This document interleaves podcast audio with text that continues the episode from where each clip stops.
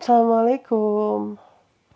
Ya, ketemu lagi sama aku yang lagi belajar podcast. Ya, lama-lama menyenangkan juga podcast ini. Anggap aja lagi siaran radio. ya nggak, tapi ini sama yang masih belajar. Tahu nggak sih sore ini tadi aku dengerin Asriullah sama Gopar Hilman. Ya? Uh, mereka kan sama-sama penyiar. Duh, emang kalau orang yang bisa cerita itu kalau cerita enakan ya. Kayak mengalir gitu ya. Kayak kita tuh pengen dengerin dia ngomong terus gitu. Jadi nggak ngebosenin ya. Beda kali kalau aku ya bukannya nggak positif thinking tapi makanya aku pengen belajar cerita paling enggak ya buat diri sendiri lah. Tapi masih mending loh aku sekarang bisa cerita zaman dulu. Waktu aku masih SD kelas 1 atau TK aku tuh pemalu banget. Bahkan katanya ya bukan katanya lagi emang bener sih yang aku rasa aku masih ingat. Waktu itu kan ya kita kan kalau itu kan ke mana-mana kan suka harus ke toko beli apa-apa ya kalau sekarang mungkin ke Indomaret atau ke supermarket ya. Misalnya kita mau beli sesuatu. Oh maaf sedikit ngantuk. Hari ini rasanya emang ada capek. Kita misalnya mau nanyain harganya berapa? Nah buat kayak gitu aja buat aku itu istimewa sekali. Alias susah ya. Jadi nggak mudah nggak mudah buat ngomong juga ya. Tapi buat berkomunikasi itu nggak mudah. Kadang-kadang nggak dengan setiap orang kita bisa cocok. Kadang-kadang ada yang mau kita sampaikan tapi kita nggak bisa gitu. Ya. Ada yang dengan orang tertentu kita bisa ngobrol dengan lancar. Tapi ada dengan orang lain kita nggak bisa ngomong. Takut ini takut itu takut nyakitin takut salah ngomong takut apa. Makanya suka jadi ada gap ya. Makanya beruntunglah orang yang bisa ngomong ke mana-mana tanpa banyak kendala gitu ya. Biasanya orang yang kayak gitu banyak kenalannya banyak relasinya. Dan biasanya sih mudah ya. Tapi ya itu ya tidak mudah menjadi seperti itu. Pertama butuh keberanian terus butuh latihan juga. Dan kalaupun udah ada keberanian butuh latihan katanya bener practice made oh practice made perfect. Jadi makin lama makin bagus ya. Jadi kita bisa lihat tutorial atau buku atau apalah atau kita lihat langsung orang tuh kalau ngomong gimana sih? Ya aku juga nggak expert sih ya ada banyak orang terkenal yang nge-share tentang bagaimana cara mendapatkan teman di YouTube atau di mana. Ya, intinya pertama kita harus tersenyum dulu ya.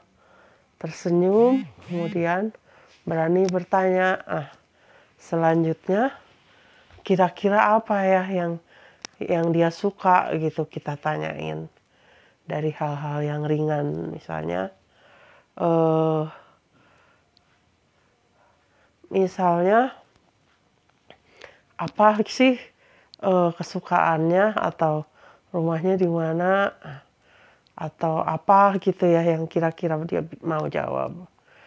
Terus ke sananya kita tanya lagi apa gitu yang kira-kira bakal uh,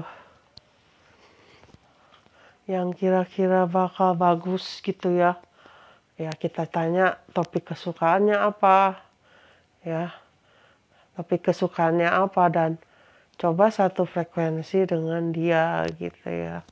Pura-pura kita suka walaupun nggak terlalu ya coba sampai kita bisa bercakap-cakap lama dengan dia. Memang nggak mudah kayak gini ya. Makanya kita harus tahu apa kira-kira harus kita survei dulu ya. Ya pokoknya mau mendengarkan mau berbicara ya.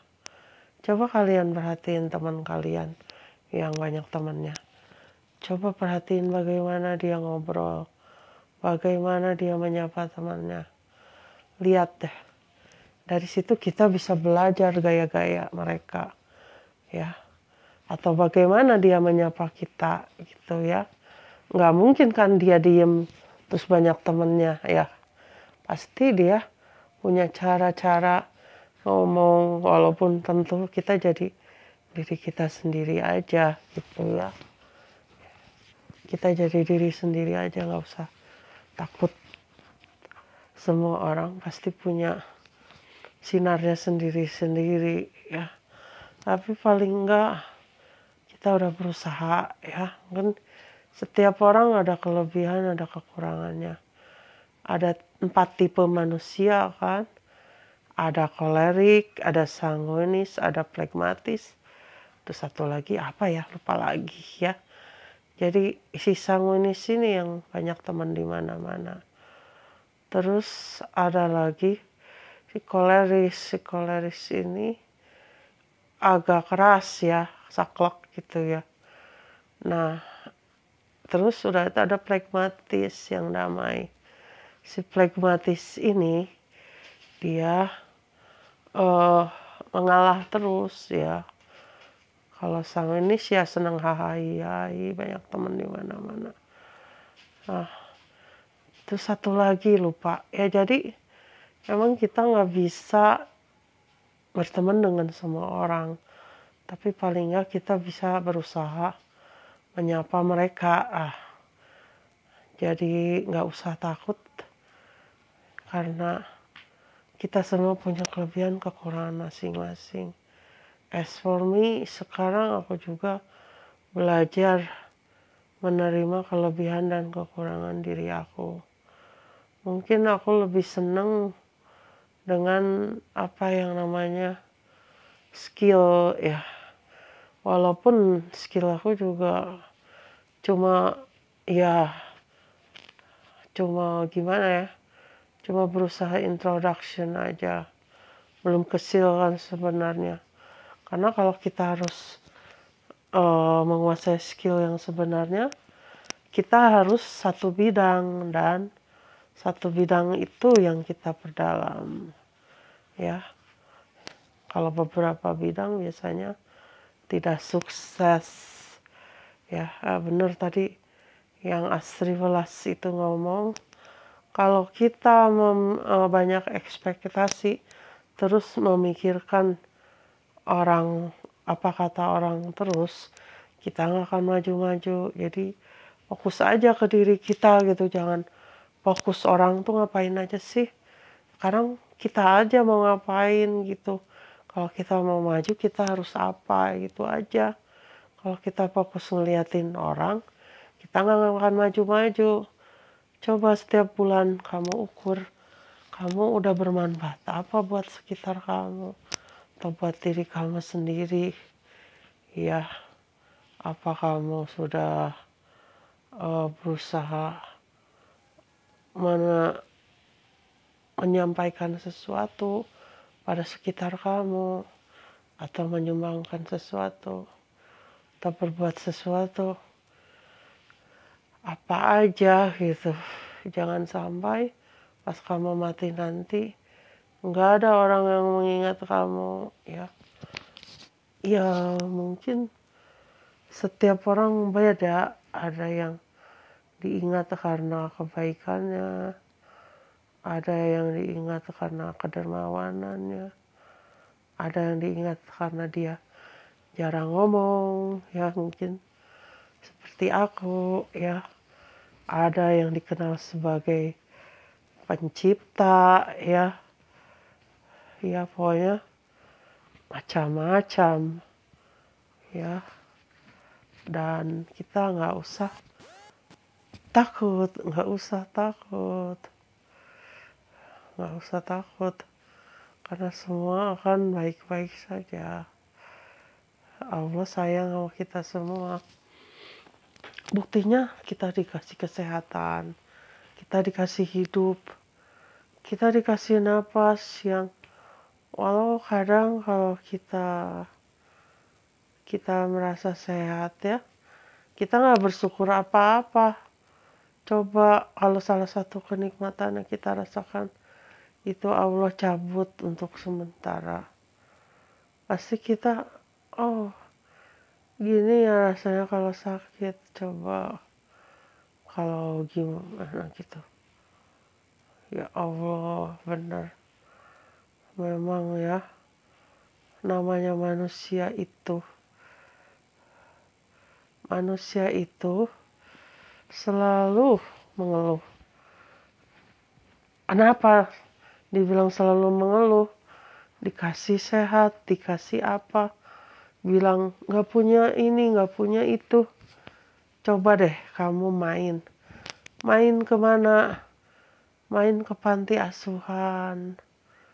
Coba, panti asuhan itu kan anak-anak yang orang tuanya nggak ada kamu dulu kayak gitu nggak paling nggak kamu biasa sama orang tua ya. Terus coba kamu bayangkan kalau kamu jadi mereka. Kuat nggak kamu? Terus kamu pergi lagi ke rumah sakit. Lihat orang dengan berbagai penyakit. Ada kanker ada apa ya. Coba kalau kamu ada di posisi mereka. Sekarang kamu sehat, tapi kamu banyak mengeluh. Kalau kamu kayak di dalam posisi mereka, atau misalnya kamu nggak bisa sembuh lagi, kamu gimana? Ya, jadi cobaan dari Allah itu menimpa kita pasti ada hikmahnya. Yang harus kita usahakan adalah selalu berusaha untuk bersyukur ya bersyukur kepada Allah benar.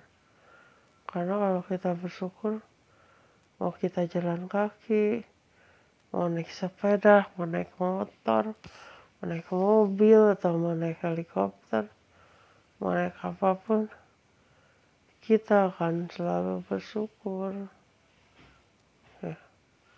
Nggak ada nggak ada yang lain. Ya ya mungkin gelap banget itu. Oke gitu aja ya dari aku. Kasih assalamualaikum warahmatullahi wabarakatuh